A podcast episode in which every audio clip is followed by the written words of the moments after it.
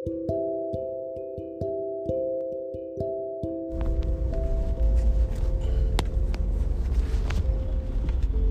jadi ceritanya sekarang baru keluar dari masjid Rai Masjid Baitur Rahmah. Masjid paling top 3 lah ya mungkin di Padang kalau di apa namanya dari segi desain dari segi fitur kini top 3 iya nggak sih? Yang pertama Masjid Raya Sumbar ya jelas ya mungkin sebagai ikon Sumatera Barat. Yang kedua itu masjid apa yang di pantai itu? Eh, Al Hakim Masjid Al Hakim. Saya juga nggak pernah sih sebenarnya ke sana cuman orang bilang masjidnya keren. Terus yang ketiga kayaknya ini kayaknya ya Baitur Rahmah ini dan udah lama sebenarnya nggak sholat di sini. Terus kayak ngelihat kadang-kadang kalau kita ketemu dengan di tempat yang apa anggaplah ini tempat yang baru gitu ya karena udah lama. Jadi mungkin ingatannya udah mulai hilang tentang tempat itu. Jadi seolah-olah itu jadi tempat yang baru. Kadang-kadang di tempat yang baru ketika kita mampir itu uh,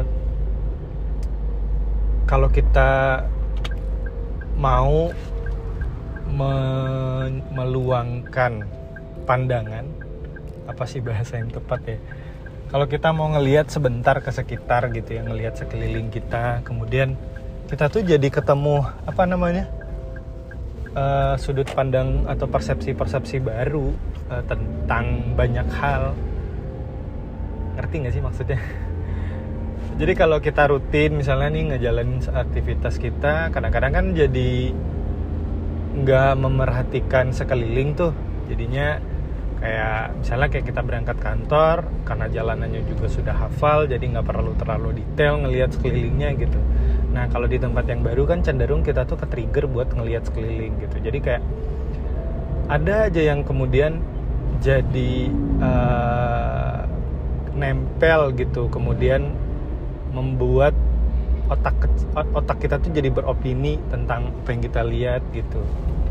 Ngerti nggak sih maksudnya? Uh, misalnya gimana ya?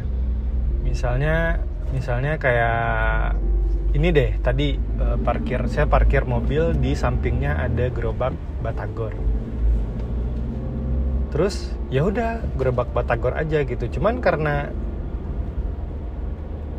saya jadi apa namanya memerhatikannya lebih fokus ngelihat gitu kemudian membangun persepsi sendiri tentang gerobak batagor jadi ngambil semacam hikmah apa sih bahasanya ya? Pokoknya kayak tiba-tiba otak saya tuh kepikir ih ini ada gerobak batagor pasti orang yang jualan batagor ini lagi sholat karena orangnya nggak ada cuman ada gerobaknya.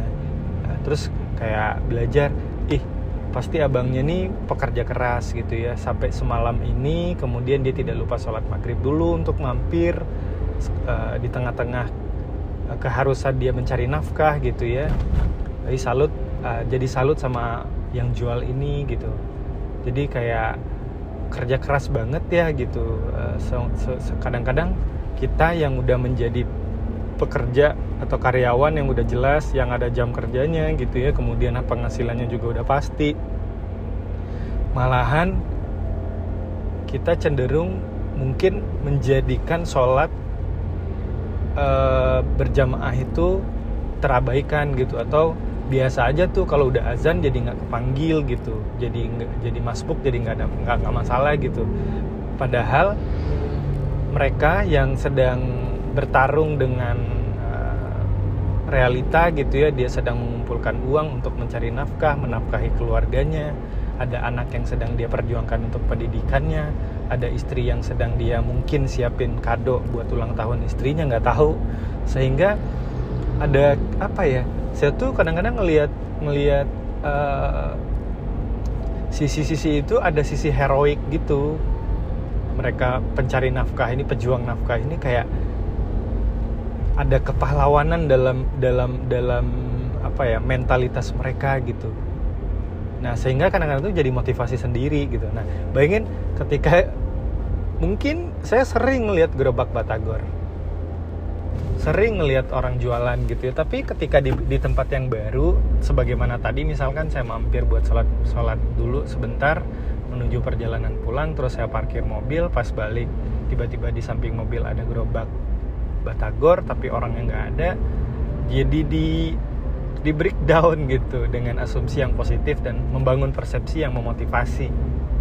Kayak gitu. Dan itu nggak nggak nggak disengaja gitu. Maksudnya nggak di nggak dijadiin itu sebagai uh, trik gitu. Kamu mau nggak jadi termotivasi dengan sesuatu? Maka cobalah begini. Nggak gitu. Itu kayak instingtif aja gitu. Uh, spontan aja gitu tiba-tiba kepikiran gitu uh, tentang ini gitu. Terus kayak misalkan nih ada bapak-bapak tadi samping saya tuh uh, dia nggak bawa tas gitu. Kan kalau biasanya kan sholat maghrib uh, kebetulan masjidnya tuh lebih banyak orang musafir ya atau orang dalam perjalanan karena bukan masjid komplek kemungkinan orang-orang yang sedang di jalan. Nah ternyata di dalam masjid orang yang sedang perjalanan itu ada dua tipe orang yaitu yang pertama bawa tas yang kedua nggak bawa tas gitu. Nah orang-orang yang nggak bawa tas ini saya yakin mereka ini orang yang punya mobil biasanya gitu. Karena tasnya ditaruh di mobil aja gitu. Terus bapak-bapaknya udah cukup tua terus kayak dia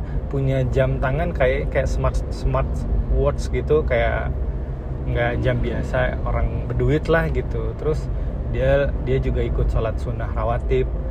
Uh, bapak-bapaknya biasa aja gitu. Terus kayak uh, apa namanya uh, otak jadi jadi ini jadi ngambil ya, apa, me, me, menggali persepsi tentang apa yang dilihat gitu. Contohnya gitu.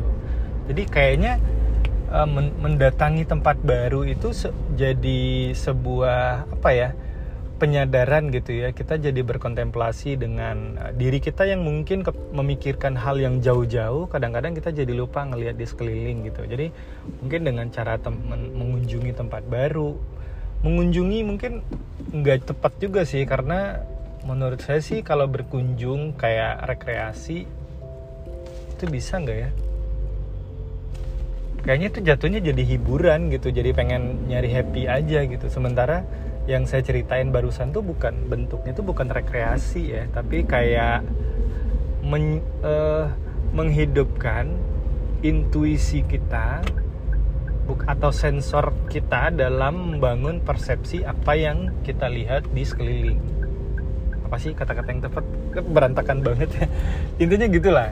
Intinya gitu ketika kita uh, datang di tempat yang baru kayak pengen uh, ada kepengenan uh, mata kita tuh jadi lebih sensitif. Nah itu saya lagi nyari kata-kata mata kita tuh jadi lebih sensitif ngeliat apa yang deket dengan kita dan kemudian kalau nanti dikonekkan dengan uh, otak gitu ya nanti dia membangun persepsi dan persepsi yang kita bangun itu kemudian menjadikan dia seperti ada pelajaran yang bisa dibawa pulang gitu.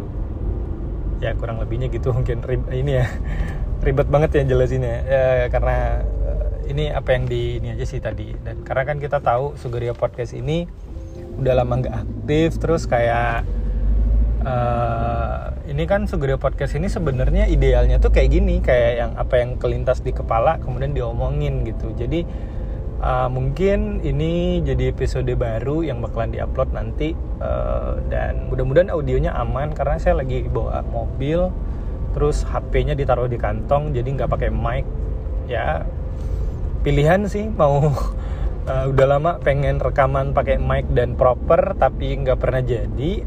Tapi malahan tanpa mic jadi gitu. Cuman kualitas audionya mungkin gak sebagus pakai mic ya. Gitu. Iya itu mungkin uh, di episode kali ini. Terima kasih yang udah dengerin.